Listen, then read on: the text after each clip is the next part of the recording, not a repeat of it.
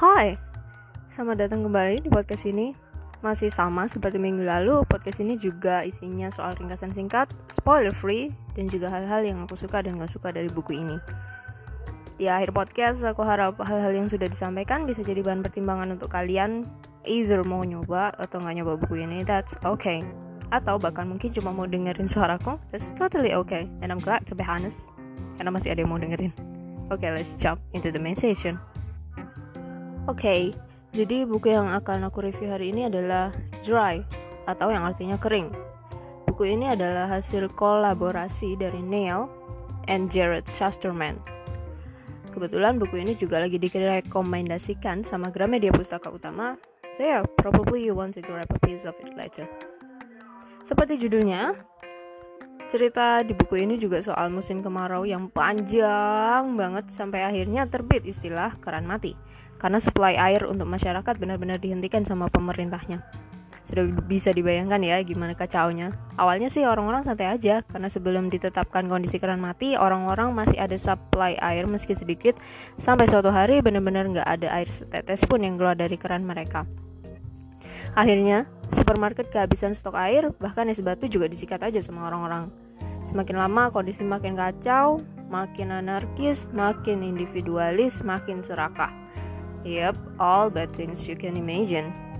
Relate banget ya sama kondisi waktu sekitar awal Maret atau April lalu ketika kasus COVID lagi rame-ramenya. Semuanya habis, ada masker, hand sanitizer, bahkan vitamin C aja habis. Kondisi di novel ini juga kayak gitu. Bedanya yang mereka rebutkan adalah air. Mau air bersih, air kotor, pokoknya air. Bener-bener segila itu. Yang pasti yang kita tanyakan adalah kenapa sih kok bisa sampai ada kemarau panjang beberapa hal yang dijelaskan karena pendungan mereka kehabisan air dan negara tetangganya juga nggak mau ngasih supply air karena di daerah mereka sendiri airnya juga lagi terbatas. Uh, selama keran mati itu juga pemerintahnya nggak diem aja kok mereka punya ide untuk mengolah air laut jadi air yang bisa dikonsumsi. Tapi as expected nggak bisa secepat itu karena teknologi mereka nggak siap dan terbatas. Ya udah bisa dibayangin deh ya.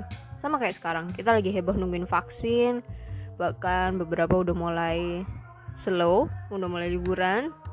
Kayak vaksinnya tuh bakal siap besok pagi gitu loh. Padahal baru rilis 2022 juga mungkin banget. Ya udahlah itu sedikit intermezzo. And that's it for the brief summary. Anyway, di novelnya kalian bakal baca gimana cara mereka bertahan hidup di antara keganasan manusia satu sama lain. Uh, sambil mungkin inget-inget juga buat yang pernah mengalami kemarau because I did that. Baca ini tuh jadi inget zaman dulu zaman SD pernah di rumah kekurangan air. Kalau pagi tuh masih ada airnya jadi alhamdulillah ya masih bisa mandi sebelum berangkat sekolah. Uh, agak siang udah ada orang jualan air tapi mahal sedikit. Jadi cuma buat uh, keperluan-keperluan yang penting banget kayak cuci piring atau untuk ke kamar mandi. Dan untuk ibadah udah deh kalau sore nggak ada air sama sekali. Jadi kita harus ke rumah saudara bawa cucian kotor dan bawa diri yang kotor. Kemudian kita pulang bawa baju basah bawa dijemur. Imagine beratnya seberat apa? Diulang-ulang sampai akhirnya sumurnya ada air lagi. Nggak kayak sekarang. Kalau sekarang kan ada sumur ada PDAM dulu masih belum ada PDAM ya gitu stres banget Uh, tapi itu kayak belum separah yang ada di novel ini. Kalau di novel ini benar-benar you can't find any water. Jadi kayak kalau kamu minum aja itu kayak cuma berapa kali telan gitu loh. Stres banget cuy. And ya itu. Jadi baca buku ini tuh bisa relate stress sama anxiousnya macam apa. And honestly I don't know why I read this book. Karena kondisinya sendiri lagi pandemi ya. Lagi stres terus kenapa aku malah baca buku yang juga bikin stres? Tapi untungnya sih untungnya tulisannya bagus terus aja. And we gotta continue this to the next session. Berikutnya soal apa yang aku suka dan gak suka dari buku ini. Yang aku suka bahasanya santai enak buat dibaca terjemahannya juga rapi uh, untuk alur, plot, sudut pandang juga semuanya disampaikan dengan ringkas. So we got enough information and the writers showed the chaos quite clearly. Um, there are some surprises that spice up the whole journey, but didn't mess it up. Thank God. Yang aku nggak suka nggak ada sih.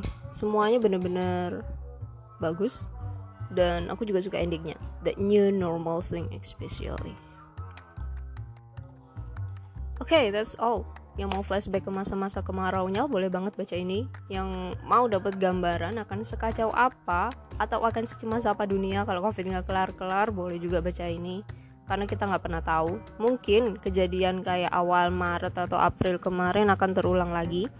Orang-orang bakal bingung uh, nimbun masker nimbun hand sanitizer and whatever.